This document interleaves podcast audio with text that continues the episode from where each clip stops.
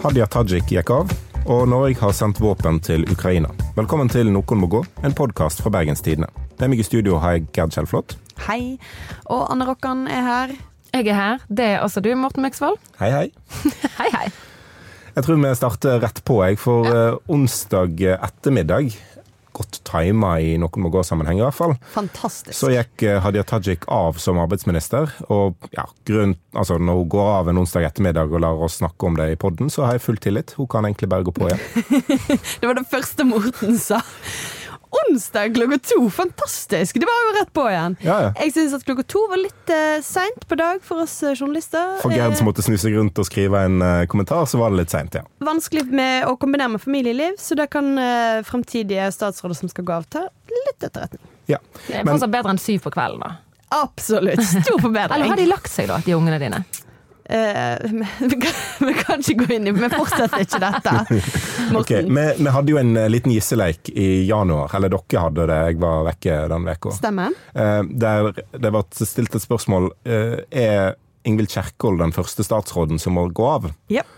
Og da svarte Anne og Eirin nei. Mm. Gerd svarte ja. jeg òg svarte ja i kommentarfeltet på Facebook. Ja, Så vi er like dumme. Ja, vi er like dumme. Jeg var ikke dum på direkten, jeg var dum jeg egentlig kunne tenkt meg om. Og det er jo verre. Det er verre. Mm. Men altså, Hadia Tajik Jeg tror kanskje det er mitt første poeng i den quizen, bare så det er sagt. Sånn at jeg... Ja, du er ikke så smart. Jeg er ikke så smart. Nei. Jeg er ganske dum, jeg òg. det er ikke Lilly Bendre som har sittende her borte som ser inn i spåkula, på en måte, og det er bra. Men, men, eh, men at ja. det var Hadia Tajik som skulle være Da kunne ikke engang Lilly Bendriss ha forutsett. Altså, det, dette... Hun kan ikke forutse en drit. Nei, det er sant. Men eh, det, dette er jo helt sprøtt. Hadde ja. noen sagt dette for to uker siden, så hadde vi jo ledd de opp i trynet. Ja, Litt lengre tid siden, kanskje? Nei, hvor, lenge, nei, eh, hvor lang tid har det gått i den saken nå? I morgen er det to uker siden ah. Eh, Aftenposten-utbruddet. Det, ja. altså, det, føles som en evighet, men det har faktisk ikke vært så lenge. det har skjedd så mye på de to ukene at det er ja. Verden har gått i oppløsning. Vi er nødt til å høre litt på hva Hadia Tajik sa på pressekonferansen eh, onsdag. Daglig så får jeg spørsmål fra pressen om min bruk av pendlerbolig for 15 år siden. Og det skjønner jeg. Jeg er lei meg for at jeg ved å ha gjort feil har skuffa mange. Det ber jeg om tilgivelse for. Jeg beklager at jeg ikke håndterte det bedre før. Det er min feil. Altså Det var 15 år gamle feil da, som gjorde at hun gikk av. Um, ja der, Vi skal ikke gå inn i hele historikken her, men det har vært folkeregistrert adresse en plass hun ikke har bodd. uh, husleiekontrakter der hun ikke har bodd. Hun har uh, bodd hjemme hos foreldrene sine. Eh, kan ikke dokumentere faste utgifter der, men har meldt til statsministerens kontor at hun hadde utgifter på heimstaden, og derfor skulle ikke pendlerboligen i Oslo, som hun hadde krav på, eh, den skulle da ikke være skattepliktig. Ja, og derom står striden. Ja, og det, dette var, er jo tilbake i 2006. 2006 til 2010. Ja, så hun omtaler det som, som, veldig gamle feil, men er det hele historien? Altså, det er jo ikke det. Nei. nei. Ledende spørsmål. veldig ledende spørsmål. Og jeg syns at eh, i går på pressekonferansen så tenkte jeg eh, en stund at eh, OK, her er en Nå har du innsett alvoret. Eh, nå eh, omtaler du dette som den alvorlige saken det faktisk er. Eh, vi hører at i dette lille klippet så er jo eh, prega tilsynelatende, og, eh, og, og det syns jeg hun kom godt ut av. Men så blir det ganske raskt 15 år gamle feil. Det er bare 15 år gamle feil, jeg beklager. Det er 15 år gamle feil. Da har du ikke skjønt hele alvoret. Og hun kan ikke fortsette som statsråd fordi hennes departement står i vanskelige saker, ja. viktig arbeid som skal gjøres, det er en krig i Ukraina, regjeringen må framstå handlekraftig ja, og alt sånt. Ja. Og da kan ikke hennes 15 år gamle feil stå i veien. Og, og, at hun får stadige spørsmål er det som kommer i veien. Så det, da lemper hun jo på en måte mye av ansvaret over på media. Media lar meg ikke være i fred, derfor må jeg trekke meg tilbake. Og det er jo den klassiske eh, måten å gjøre dette på. Og det, da, nei, da har du ikke skjønt hva du har gjort feil. Fordi hun har gått ut og eh, dratt Aftenposten ned i søla for noe som absolutt ikke ser ut til å være noe en skal dras ned i søla for. Og på den måten har hun også lurt folk til å stille opp for henne i utgangspunktet. Eh, før det da to dager senere plutselig kom en ny sak som er mye verre, og som hun visste at kom. Eh, altså, da sammen, mener du de som forsvarte henne når hun gikk ut på Facebook? De som forsvarte henne på Facebook mot Aftenposten, vil jo føle seg fryktelig dum når den plutselig den VG-saken kommer, og de på en måte innser at her her er jeg gått med på noe spinn. For det er, da, det er sånn det føles. Og så har hun ikke fortalt sannheten. Hun har prøvd å bagatellisere skoesker med kvitteringer som hun ikke har. eh, og så videre, og så videre. Og så har det kommet stadig nye saker. Ja. Altså TV 2 hadde en sak eh, i går morges, eller gått tidlig på dagen i, i går, om at hun hadde sju heimreiser i liksom, første perioden eh, Ja. da hun hadde pendlerbolig, eh, som er veldig få. Eh, altså En av hovedgrunnene til å ha pendlerbolig, og en av de beste tingene med det, er eh, heimreise. Du får dekka veldig mange heimreiser, og da er det vanlig å ha kanskje 50, 60, 70, 80 heimreiser i løpet av et år. For du har muligheten til å reise så ofte. Hvis det virkelig er heimstaden din, så, Ja. så, så gjør du jo det. Eh, så, og det er jo den klassiske sånn håndteringen eh, kan være fellende. Fordi hun fortalte ikke alt når saken først sprakk. Det kom nye drypp underveis. Ja. Nei, det står jo i alle krisehåndteringsbøker. Altså, Ja, Vær ærlig. er-. Journalistene vet som oftest mer enn det de eh, spør om eh, der og da. Eh, og du kan være sikker på at når det kommer én sak ut, så kommer det mer eh, seinere. Enten fordi at det kommer tips til de som skriver først, eller flere redaksjoner slenger seg på. Eh, altså En finner stort sett ting.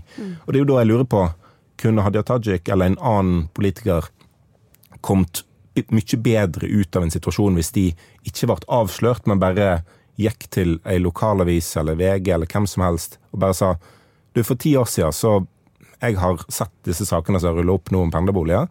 For ti år siden så gjorde jeg en feil. Og bare ikke blitt avslørt, men avslørt seg sjøl. Og det er jo sikkert høy terskel for å gjøre det, fordi en har jo ikke lyst til å bli tatt før noen faktisk finner ut at du har gjort noe galt. Du har du har jo ikke lyst til å bli tatt, punktum. Nei. Men da eliminerer du håndteringen eh, av At håndteringen eh, av saken skal gå utover din posisjon. Men tror du det, hvis noen kommer frem nå neste uke, hva tror du skjer da? Hvis noen har akkurat det som tilsvarende, ikke veldig alvorlig, men her er det definitivt eh, Intensjonen din har ikke vært helt gyllen. Da er det jo bare saken, hva en har gjort galt, en må vurdere. Hvis håndteringen blir gjort veldig bra, så At du legger alt på bordet. Ja, for eh, tillit til politikere handler ikke bare om gjorde de noe galt eller gjorde de noe rett. Jeg er for at politikere skal kunne gjøre noe galt og Ja. fortsette jobben sin. Fortsette med det tillitsvervet de har. Ja. Ja, men det er forskjell på å, å, å misforstå et skjema og krysse feil, Ja, og å kunne mistenke. Sånn som, altså, det er ingen som kan ta henne på at nødvendigvis hun, altså, hun, eller hun har krysset feil, men det, vi, det som er grovere, er jo at vi mistenker henne for å ha aktivt til, tilpasset virkeligheten, sånn at hun skal få dette her skattefradraget. Mm. Og det er på en måte en eh, mer Så Det bryter tilliten på en annen måte. Vi har jo folk fra hele, hele befolkningen, på en måte, fordi, altså, og det er helt vanlig å gjøre feil, det kan alle gjøre. Det sa jo hun sjøl også Ja. i går. Men det er den derre Når du hva, håndterer hva saken var det på du den prøvde måten på her? Det er den eh, mistanken som er grov. Ja, og når Tajik håndterer saken på den måten hun gjør, da, så svekker det i hvert fall min tillit til politikerne. når de eh, når fakta må dras ut av dem, når de nekter å svare, når de nekter å gi innsyn, eh, når det kommer stadig nye avsløringer. Det er en viktig del av hvorfor hun måtte gå. Og hvis hun hadde eliminert det ved å vært åpent og ærlig fra starten av, så tror jeg hun hadde sluppet billigere unna. Altså, men- Skattesituasjonen ville fortsatt vært den samme. Ja. Hun måtte fortsatt eh, betalt enten tilleggsskatt eller straffeskatt eller hva som helst. Mm. Du får ikke amnesti. Nei, eh, og det spørs jo, det er forskjell på ting som er noe av det som har blitt rulla opp her i forbindelse med alle disse pendlerboligsakene osv., og, så videre, og reiseregningssakene, ikke minst, der er det jo to som faktisk er dømt i rettssaker. Så noe av dette er jo straffbart. Ja. Og det er jo en helt egen ting. Eh, og så er det noe som på en måte bare eh, ser uryddig ut, og som er litt sånn gråsoneting, noe som er moralsk feil, osv. Ja, jeg tror at hvis noen hadde kommet nå og sagt eh, lagt seg flat, eh, så hadde da Altså dette bare fortsetter å rulle, og dette er fryktelig fryktelig skadelig. For langt mer enn er politikerne. Nei, altså Du kan nesten ikke tro at det er ferdig. Altså når, Nå har de felt eh, KrF-lederen, som da var statsråd også, en stortingspresident, og Hadia Tajik, Mm. som er en, en voldsom politisk eh, stjerne i Norge. Altså har, har hatt en veldig høy posisjon. Ja. Sant? Det, dette er enormt stort. Veldig plettfri. Men blir det vanskeligere? Det du ser for deg, er jo at det går an å komme og legge på bordet sånn OK, jeg har også gjort feil, jeg har oppdaget det. Jeg vil gjerne jeg komme det. frem. Men blir det vanskeligere både å gjøre det og for på en måte eh, altså, Blir det vanskeligere å tilgi de for det, eller på en måte, må de gå hver gang nå fordi at alle andre har gjort det? Eller fins de nyanser, blir de nyansene vanskeligere å finne, at du får på en måte en smekk, men du kan bli i jobben din når, spørs, når så mange andre har måttet gå? Men, men det kan jo være at en må ta konsekvenser av det. Det kan være at en må trekke ja. seg med noen tillitsverv osv. Men, Jeg må men poenget her er vurdere jo det saklige hva en har gjort Ja. galt. men, og, men poenget er jo at eh, går det an å bygge opp igjen tillit? Ja. Og den veien blir veldig mye ras eh, lettere til å bygge opp igjen tillit hvis man, hvis man oppriktig kan tro på at, at noen forstår at de har gjort en feil, og har lyst til å på en måte gjøre opp for seg på en ektefølt måte, eh, og ikke bare ta raskeste veien ut. For det var det som, altså Hadia Tajik har jo også gjort grep her for å prøve å gjøre opp for seg, som hun mener. Men, men det er på en måte hun som hele tida har fått lov til å definere hva som er godt nok. Ja. Det, det er det hun har prøvd på. Hun har sagt nå betaler jeg tilbake. Ok, Da er det greit. Og det Men så, så for- føler ikke folk at det er greit. Folk føler at du, du kaster penger på problemet. og det blir nesten enda verre. sant? Her har du først liksom eh, unndratt å betale til fellesskap, og nå, skal du, nå er du rik og samfunnstopp, så du skal bare kaste penger på problemet for å få det til å forsvinne. Sånn fungerer ikke det for de som går på Nav, eh, som hun Nei. har hatt ansvar for eh, inntil i går. Ja. Sant? så det blir, det, det blir ikke godt nok, og, og en kan ikke ta raskeste veien ut. Og det er Poenget her er vel, og det som denne krisen også viser, er at du, du kan ikke sjøl som politiker og samfunnstopp bestemme hva som er veien ut for deg. Men det har hun jo på en måte gjort, for nå har hun gått av som statsråd, men hun har lyst til å fortsette som, eh, som eh, nestleder i Arbeiderpartiet, for den tilliten har hun fått fra landsmøtet. Ja. Eh, og den tilliten er tydeligvis ikke oppe til vurdering fra dag til dag, sånn som en statsrådpost er. Altså, er vi Du skrev en kommentar i, i går, Gerd, der du eh, med tittelen 'Må Hadia Tajik slepes ut av partikontoret'. Eh, og er vi liksom der at allerede før pressekonferansen var over, så kom det reaksjoner internt i Arbeiderpartiet på at hun skulle fortsette. Må hun gå av på nytt? Det er jo en, en risiko hun løper nå, ja. Og det er ganske høyt spill å, eh, å ta. Ehm, så det blir veldig spennende å se. Og fordi at det som du ser, de første reaksjonene kom mens pressekonferansen fortsatt pågikk omtrent. Og så, og så tok det mindre enn en time før det var diverse ordførere fra faktisk hele landet, eller altså flere deler av landet i hvert fall, Ja. som var ute og reagerte på dette og sa nei, beklager, hun må også trekke seg som nestleder. Det det, var virker- i, det var ikke bare i Trøndelag, for det blir veldig tegna som et bilde fordi vi vet at Hadia Tajik har en konflikt på en måte med Trøndelag Ap, som, omskriver seg tilbake til. Trond Giske-saken. Men, men det er ikke bare der. Nei, det blir for enkelt. Kan jeg Ja. bare si det er morsomt at vi i så fall gjettet på at det var Ingvild Kjerkol, som også er fra Trøndelag, som måtte gå. Men som, eh, som på en måte er fra eh, Giske sin, eh, sitt lag, sant? Ja, Og så blir det heller Tajik. ja. Sånn at det er den der krigen de hadde der Giske måtte gå. Det, det er et, har satt et nytt slag nå, så den er plutselig eh, litt varm igjen. Yep. Men da er jo spørsmålet hvem, hvem skal erstatte uh, Hadia Tajik i regjering, og hva skal Hadia Tajik gjøre på Stortinget? Ja, det, det er jo det blir veldig spennende å se. Og jeg, og jeg bare, bare for å fortsette, for det igjen, hun prøver å fortelle, eller hun prøver å få definere hva som er hennes framtid, men beklager, den det er noen andre som bestemmer det. Og det kan være at det er Støre og resten av ledelsen. Jeg er usikker. For jeg vet ikke hvor masse makt de har i partiet lenger. Og det kan være det er grasrota. Og det spørs, styrkeforholdet der vil jo bestemme. Og det bestemmer jo hva rolle hun får, vil få på Stortinget når hun går tilbake på Stortinget. Den som blir omtalt som favoritt til å overta, er jo Rigmor Aasrud. Og da er- ligger jo veien åpen for Hadia Tajik. eh, Som arbeidsminister, ja. ja, Mm. som arbeidsminister. Da ligger veien åpen for Hadia Tajik å bli parlamentarisk leder på Stortinget. Som er jo en veldig mektig posisjon, Mm. spesielt når Arbeiderpartiet leder en mindretallsregjering og en skal forhandle med SV. Det vil jo være egentlig ikke et steg ned i det hele tatt, på sett og vis. Nei, eh, Um, Stortinget er jo formelt sett over regjering, og parlamentarisk leder er Ja. Eh. Jeg vil mene at det er på statsrådnivå i makt, altså. Ja da, absolutt. Du sitter, øh, du sitter i alle de viktige øhm, rommene. Og da ser en jo at det er veldig viktig for Hadia Tajik. Det er da hun prøver å sikre seg nå. Fordi at hun vet òg at internt i partiet så er det folk som har lyst til å bli kvitt henne. Å gå fra en statsrådspost, det er greit, men å miste den posisjonen i partiet nå, det er farlig for hennes framtid. Nå tenker hun i det lange løpet. Men der, der en kan få motstand da, eh, for Rigmor Aasrud som, som eh, statsråd, er jo at da mister regjeringen sin eneste minoritets... Ja. eh, Eneste regjeringsmedlem med minoritetsbakgrunn. Eh, Og eh, Kamzy Gunaratnam, skrev på Facebook i går at hun, hun lister opp flere eh, kandidater. Hun lista opp Mani Hussaini, Lubna Jafferi fra Bergen, Masud Gharahkhani, som er stortingspresident nå, og, og flere andre. Hun nevnte ikke seg sjøl, men, men hun kan selvfølgelig òg være en kandidat. Og hun skriver ganske tydelig her at når vi snakker om arven etter Benjamin Hermansen 22.07. eller angrepet på Al-Noor-moskeen eller andre typer høyreekstreme krefter, må vi som arbeiderbevegelse huske én ting.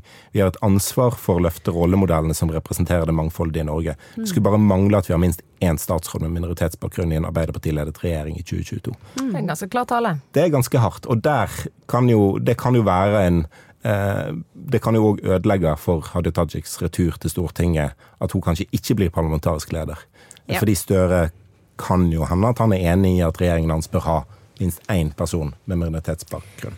Det ville tatt seg veldig godt ut for han, ja. Det tror jeg. Nei, Det blir veldig spennende å se, særlig siden det jo faktisk er en eh, Vi må jo få lov til å trekke fram våre lokale eh, her. Eh, Lubna Jaffrey, som jo har vært sosialbyråd i Bergen før hun nå er på Stortinget, og hun har vært statssekretær tidligere, så hun har absolutt erfaring som tilsier at hun kunne tatt på seg et sånt verv. Så vi får se, nå. Ja, absolutt. Nå har jeg stått og tenkt på om det finnes en eh, ikke-smakløs eh, måte å si sånn fra den ene kampen til den andre, men jeg tror ikke det fins Det finnes det ikke. eh, det. Eh, Men vi må altså eh, snakke litt om eh, Ukraina. Ja. For i dag er det jo akkurat en uke siden vi våknet til den absurde nyheten om at Putin rett og slett bare har angrepet Ukraina. Um, ja, Vi kan begynne med å høre et lite klipp fra Støres redegjøring i Stortinget i dag. Den setter stemningen ganske tydelig. Det ukrainske folk kjemper nå en kamp for egne liv og for egen frihet, og det kommer nær og rører oss alle. Fedre som sender familien i trygghet over grensen til Polen, uten å vite om de får se barna sine igjen. Morten, du er jo på en måte dagens Ukraina-ekspert her i studio. Kan du oppsummere litt? grann? Hvordan har det gått så langt? Den, den første uka har vært eh, Altså, har nok ikke gått etter planen for eh, Vladimir Putin. Eh, en så i begynnelsen av invasjonen en veldig rask framrykking. Eh, og så har det stoppa veldig opp i, i deler av eh, Ukraina. Eh, Utafor Kiev så er det en stor militærkolonne, mange mange kilometer lang kolonne. Den har stoppa helt opp, den har stått i ro i flere dager. Det ser ut til å være en slags omorganisering på gang. Kanskje de har funnet ut at den raske framrykkingen ikke fungerte, for de lidde veldig store tap. I sør så har de hatt litt mer framgang. Der har de tatt eh, flere viktige byer eh, og, og en, en posisjon. Men det går nok mye mye treigere enn det eh, Putin hadde sett for seg. Og Da har vi òg sett de siste dagene at taktikken har endra seg en del. Eh, det blir brukt veldig masse artilleriild, eh, klasebomber, eh, fly eh, mot sivile områder. Rett og slett for å, å straffe sivilbefolkningen, prøve å få de til å, å gi opp. For det har vært en enorm kampmoral eh, på ukrainsk side, og veldig mange rapporter om desertering fra eh, den russiske hæren. At de eh, vernepliktige eh, kontraktsoldatene som kom inn der, 19-20 år gamle gutter, de visste ikke hva de var med på, de var skremt, de, de forsto ikke rekkevidden. eh, og at mange av de har, har rett og slett eh, gitt opp. Eh, så har det jo òg vært en tilstrømming av våpen eh, de siste dagene. Norge, Rett før vi gikk i studio, så, så letta flyet eh, fra, fra Norge eh, på vei til til Ukraina med eh, norske panservernmissil. Hele Europa eh, sender våpen eh, dit. USA sender våpen. Eh, det er et massivt eh, oppbud for eh, Ukraina. Og vi har òg sett et historisk sanksjonsregime eh, blitt satt i verk. Altså Vi har aldri sett maken til eh, hvordan et land har blitt eh, isolert og mm. forsøkt knekt av Og økonomiske sannsynligvis et sanksjoner. ganske effektivt et. Ja, altså det har ikke fungert for å stoppe krigføringen til nå. Nei, men det var jo ikke det vi trodde heller. Nei. Men de struper finansiering. Og det som er interessant, er at de sanksjonene så ofte, eller mange av de omfatter Hviterussland, som så langt har vært en litt sånn herre Sånn som når vi slutter å selge laks til Russland etter Krim, så selger vi fortsatt laks til Hviterussland, og så selger de laksen vår til Russland. Sant? Sånn at det at de omfatter det, er mer, det, er mer, det virker som den er virkelig ment helt på ekte, og ikke som en sånn skinn um, sånn skinntiltak for å vise en eller annen solidaritet, men dette er faktisk det, nå mener jeg, dette er alvor. Ja. Det er veldig interessant å se. Men når vi snakket litt om dette her i går, så kom vi jo egentlig frem til at for alle oss tre eh, Vi kan jo skryte på oss å være akkurat så unge. At dette for de fleste av oss i hvert fall er egentlig den første krigen på europeisk kontinent som vi eh, helt liksom får med oss. Der vi er store nok til å forstå hva som skjer. Eh, for meg, stor nok. Vi er store Nå når vi har bikka 30, så er ja, vi blitt store nok. Men altså, jeg er jo eksempel født ett år etter Berlinmuren falt. Så var jeg ett år når Sovjet falt. Så var jeg omtrent to når Balkankrigene brøt ut. Og de var ferdig før jeg var ti. Og jeg husker bare sånn vage, sånn urolige øyeblikk foran TV-en at det er noe som skjer. Men jeg forsto ikke hva som skjedde. Eh, altså, NATOs Nato sin rolle var helt sånn tapt for meg. Sant? Altså, jeg har bare vokst opp med at det har vært eh, stort sett fred på eget kontinent. Og det har vel dere også. Ja. Eller Morten. Morten drar på det. Han har vært gammel jeg jeg veldig litt, lenge. Mm, Jeg er litt eldre enn dere. Jeg ble født som 29-åring i Ja. 1986. ja. Så jeg husker, jeg husker Bosnia. Eh, altså vagt. Jeg husker uh, bombingen av Sarajevo eh, fra nyhetssendingene da. Eh, jeg var vel sju-åtte år gammel. Eh, jeg husker veldig godt eh, Kosovo, eh, intervensjonen i Kosovo eh, i 1999. Eh, så, så for min del så er det ikke det første, eh, første gangen, men det er for første gang i voksen alder, for jeg var 13 år i, Ja. i 1999. Eh, Du forstår ikke helt rekkevidden av Nato. Nei, Nei da. det er kanskje det, det er rekkevidden som går mer inn på en når en, når en forstår gruen fullt mm. ut, og ikke blir skjermet på noe vis. Eller, ja. Mm. Nei, så um, Og det, har jo, det er jo selvfølgelig et privilegium å få lov å vokse opp uten å forstå omfanget av å være med i en forsvarsallisjon, f.eks. Og Nato har jo vært har ikke vært så tett på sånn som det er nå, og det ser vi også i befolkningen for øvrig. At det kanskje har fått altså, oppmerksomhet rundt hva Nato er, og hvor ekstremt glad vi skal være for å være en del av det, har vokst. Um, og det har jo også dette her med at kanskje en del av vår generasjon nå uh, forstår krig på en annen måte, og forstår at det, vi er ikke måte, skjermet fra det, vi heller. Uh, kan kanskje utløse noen politiske implikasjoner. Vi har jo sett noen debatter i SV, Ja. for eksempel. Ja, Oslo SV har eh, Der er det flere forslag eh, som går på å endre sin holdning til Nato. For SV er i dag motstander av norsk Nato-medlemskap. De vil erstatte det med en nordisk forsvarsallianse. Eh, eller et nordisk forsvarssamarbeid. Eh, og jeg tror flere og flere som har lyst til å sette seg inn i det, innser at det er fullstendig urealistisk eh, at Norden skal kunne stå opp mot Vladimir Putin. Eh, at vi er helt altså vi er helt essensielt avhengig av. Hvis du ønsker at Norge skal være et selvstendig land, så er Nato-medlemskap enten et eh, gode eller et nødvendig onde. Eh, Det kommer ikke, en kommer ikke utenom når en ser hva Vladimir Putin gjør mot Ukraina. Eh, Og det burde vært kjent før, fordi Putin har invadert Ukraina før. Han har invadert Georgia.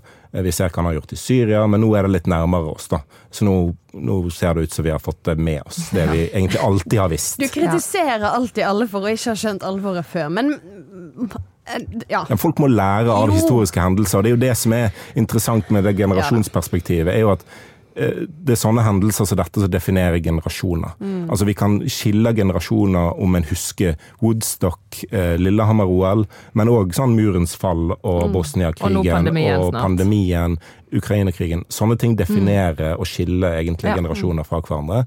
Og det, ja, det sier noe om eh, Altså Det er veldig mange i, i Europa som har vokst opp uten å sett krig annet enn på fjernsyn. Ja.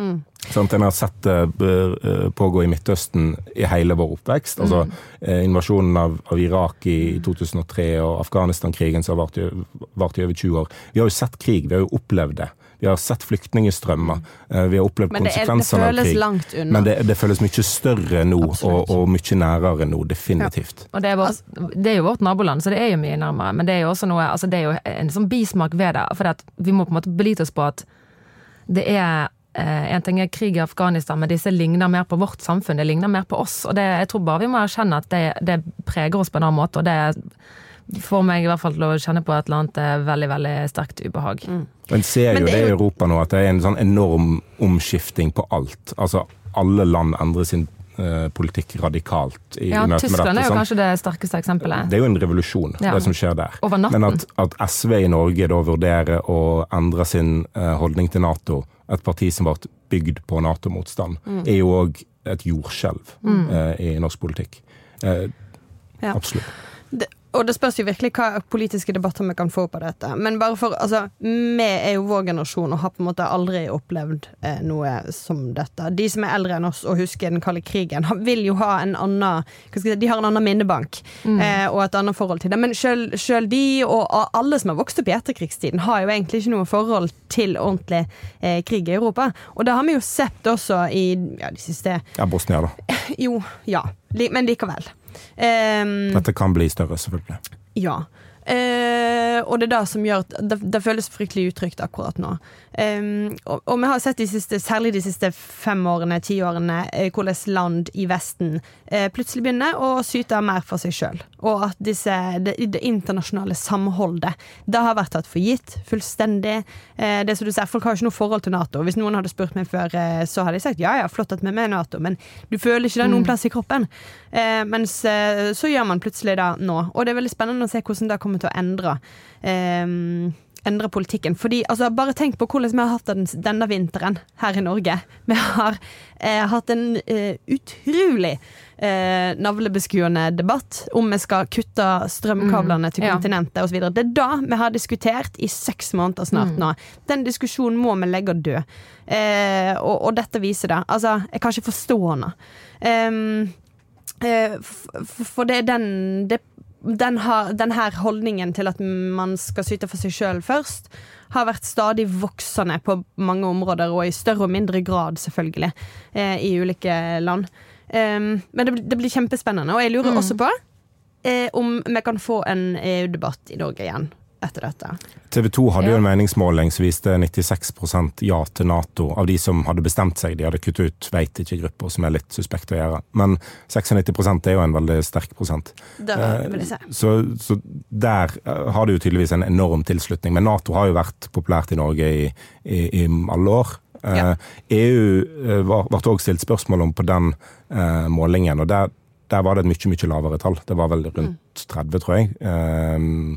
Eh, og, og det viser jo at altså, det er ikke sånn at folk umiddelbart har tenkt det er krig i Europa, vi bør bli med i EU. Men det tror jeg heller ikke. Men jeg tror at hvis den debatten begynner en eller annen plass, for den debatten har ligget død. Det er helt utenkelig Ja. at vi skulle få en imot så har vi jo hatt en regjering som lefler med å melde seg ut av EØS. Så det har på en måte gått Ja. motsatt vei her på Mm. eh, fjøla. Ja. Det er i hvert fall et regjeringsparti. Ja.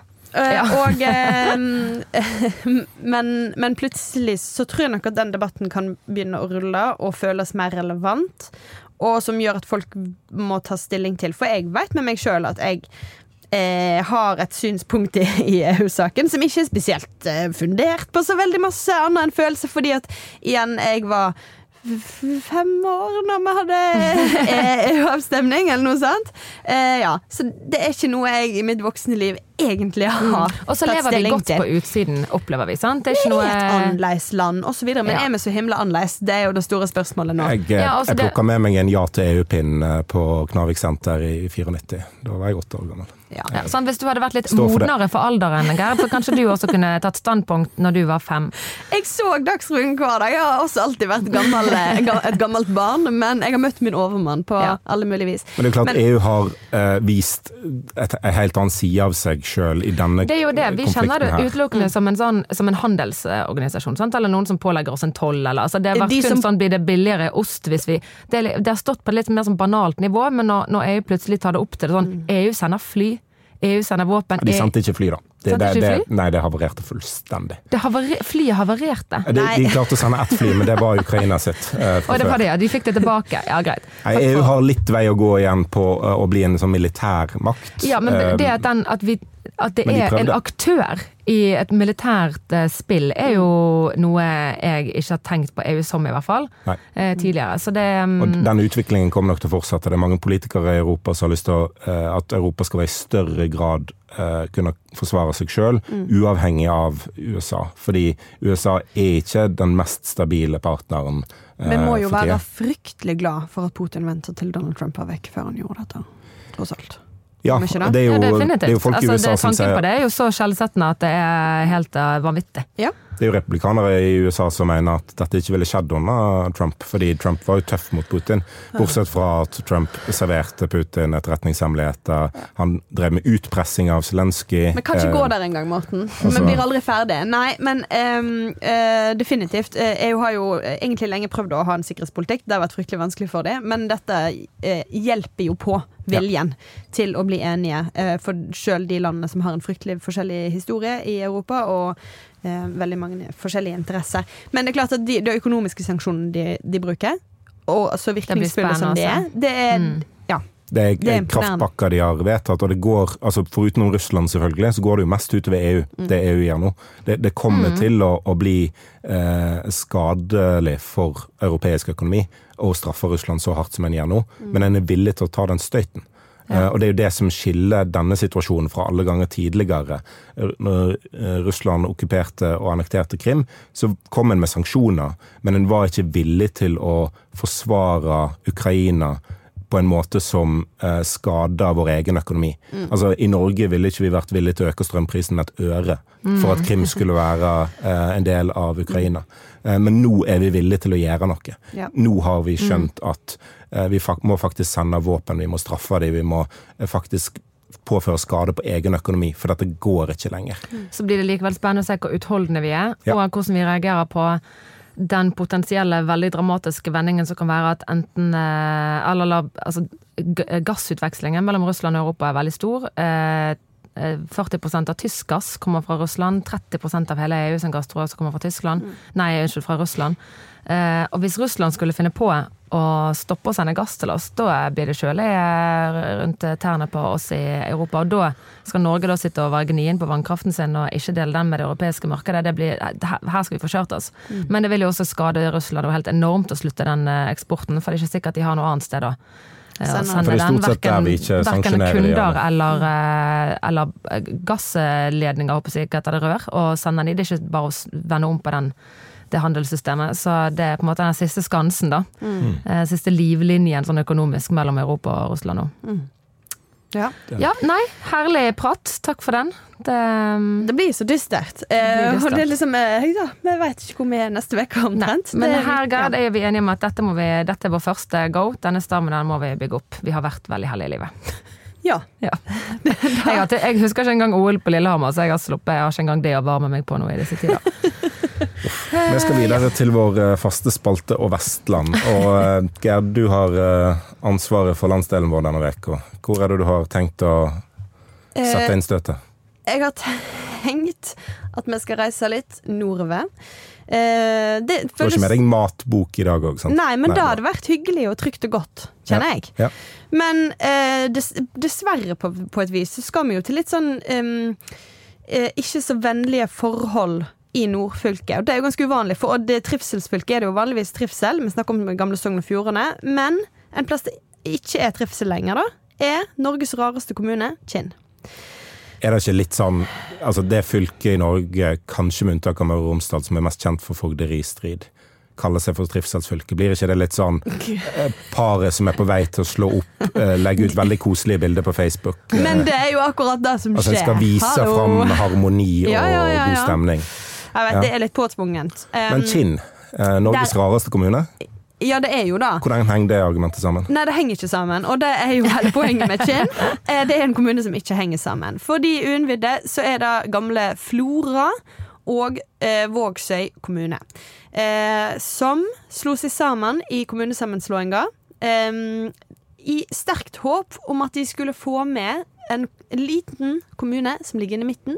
Ja, for det, Som heter de, har, de deler altså på ingen måte grense, disse kommunene. De henger ikke sammen. landfast. Det er to øyer, på en måte. Bortsett fra at de er begge fastland. Men på kommunekartet blir De øyer. De har fått et lite. Bremanger mellom seg, da. Ja. Og det har du aldri lyst til å ha. Nei. Nei, det bør du jo ikke ha. Og det er en liten kommune som selvsagt har kraftinntekter, og bestemte seg for at de skulle de ruge på sjøl. Eh, så kan vi føle på det. Skal ikke ha utenlandskabler til Kinn, nei. Nei, det skulle de ikke. De skal ikke dele på noen inntekter i det hele tatt. Det skal de få eh, Jeg Eh, vet ikke hva folk i Bremanger heter. Eh, ha. Oh, det ligger en vits her. Morten, kanskje du sier noe om sånn Bremanger, men de ville ikke De var mange, men de ville ikke bli breflere, eller noe Nei. sånt? Nei, nei. Nei. Jeg, jeg vil ikke det. Vi dropper det. I Ja. hvert fall, Kinn kommune ble nå allikevel slått sammen eh, Altså. Flora og Vågsøy ble slått sammen. Eh, Kinn kommune.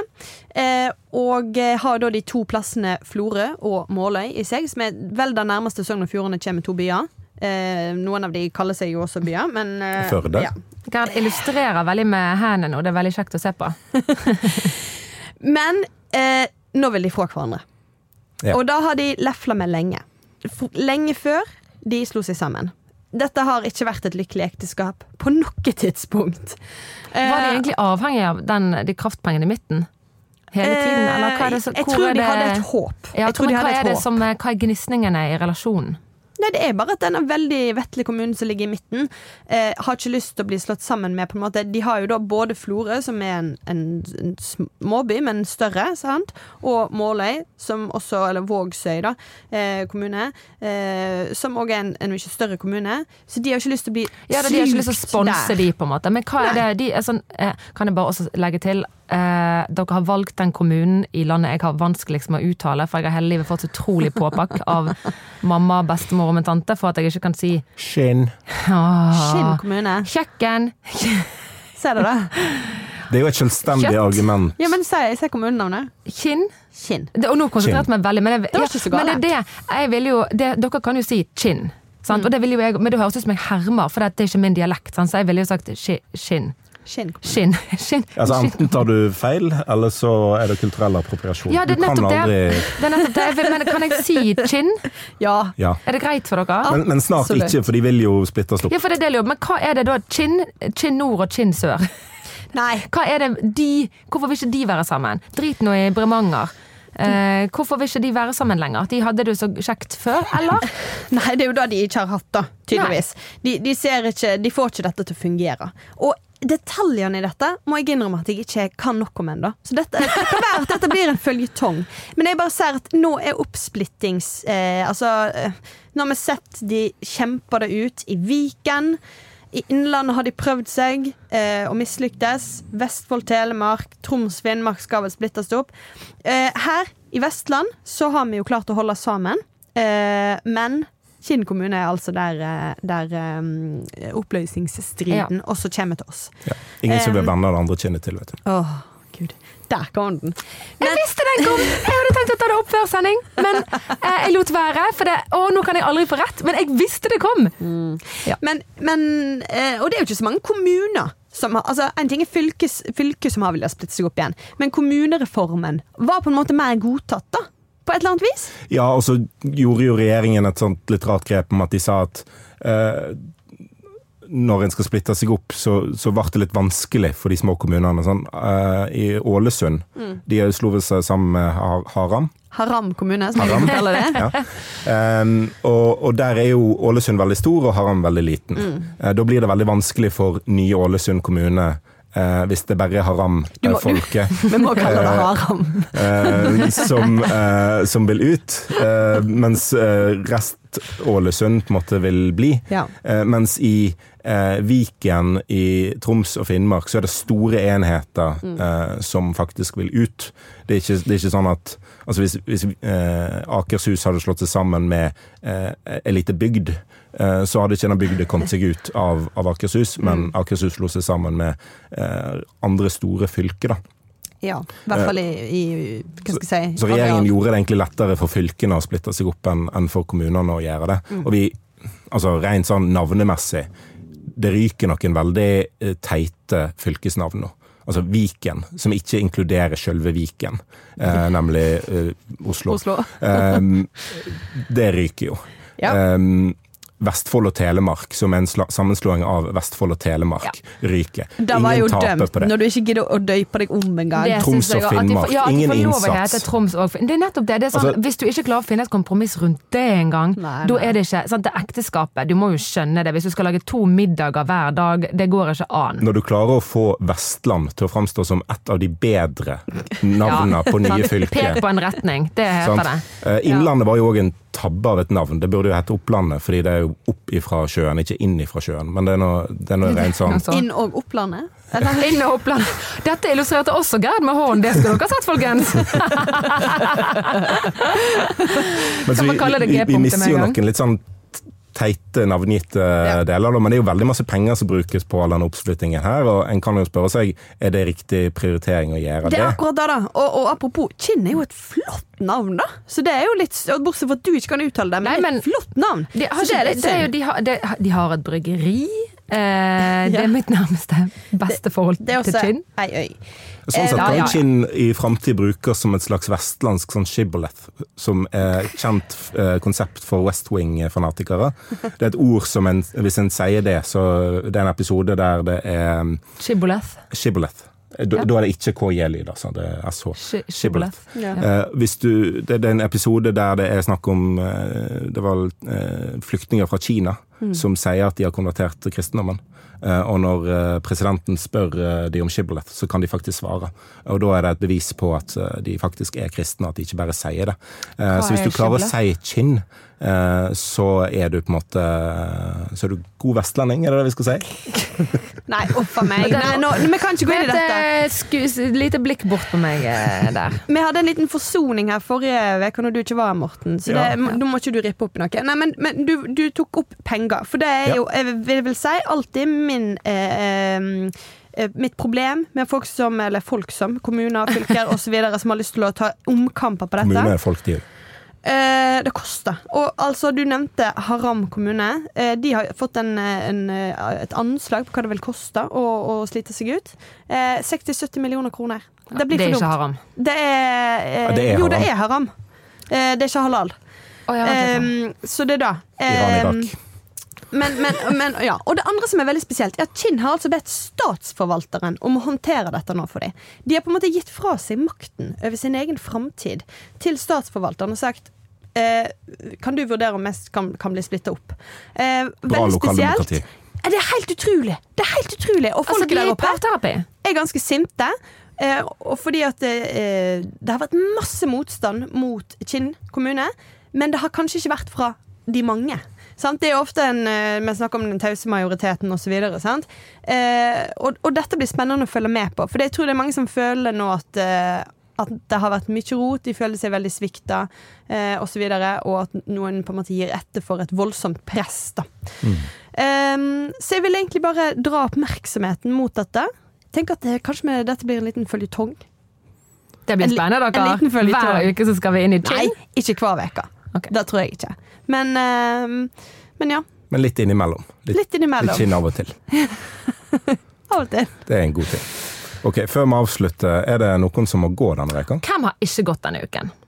Altså, alle har jo gått. Chin vil eh, gå fra hverandre. Hajik har gått. Putin har Taj- også Tajik. Ha- Hadia Tajik. Mm. Tok jeg en Eirin Eikefjord nå? Ja. Kan jeg få lene meg på det, da? At sjefen gjorde det først? Sjefen gjorde det først. Ja, Hadia Tajik Ja. har eh, gått, og eh, Putin nekter å gå, og går feil vei. Ja.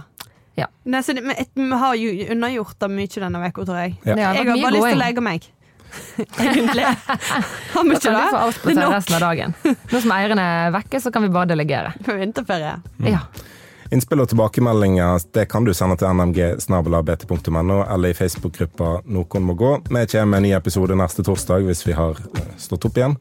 Uh, Intromusikk det var bergenser av Bjørn Torske. Produsent er Henrik Svanvik. Du finner podden i BT-appen eller hvor enn du laster ned poddikker fra verdensveven. Ha det bra! Ha det.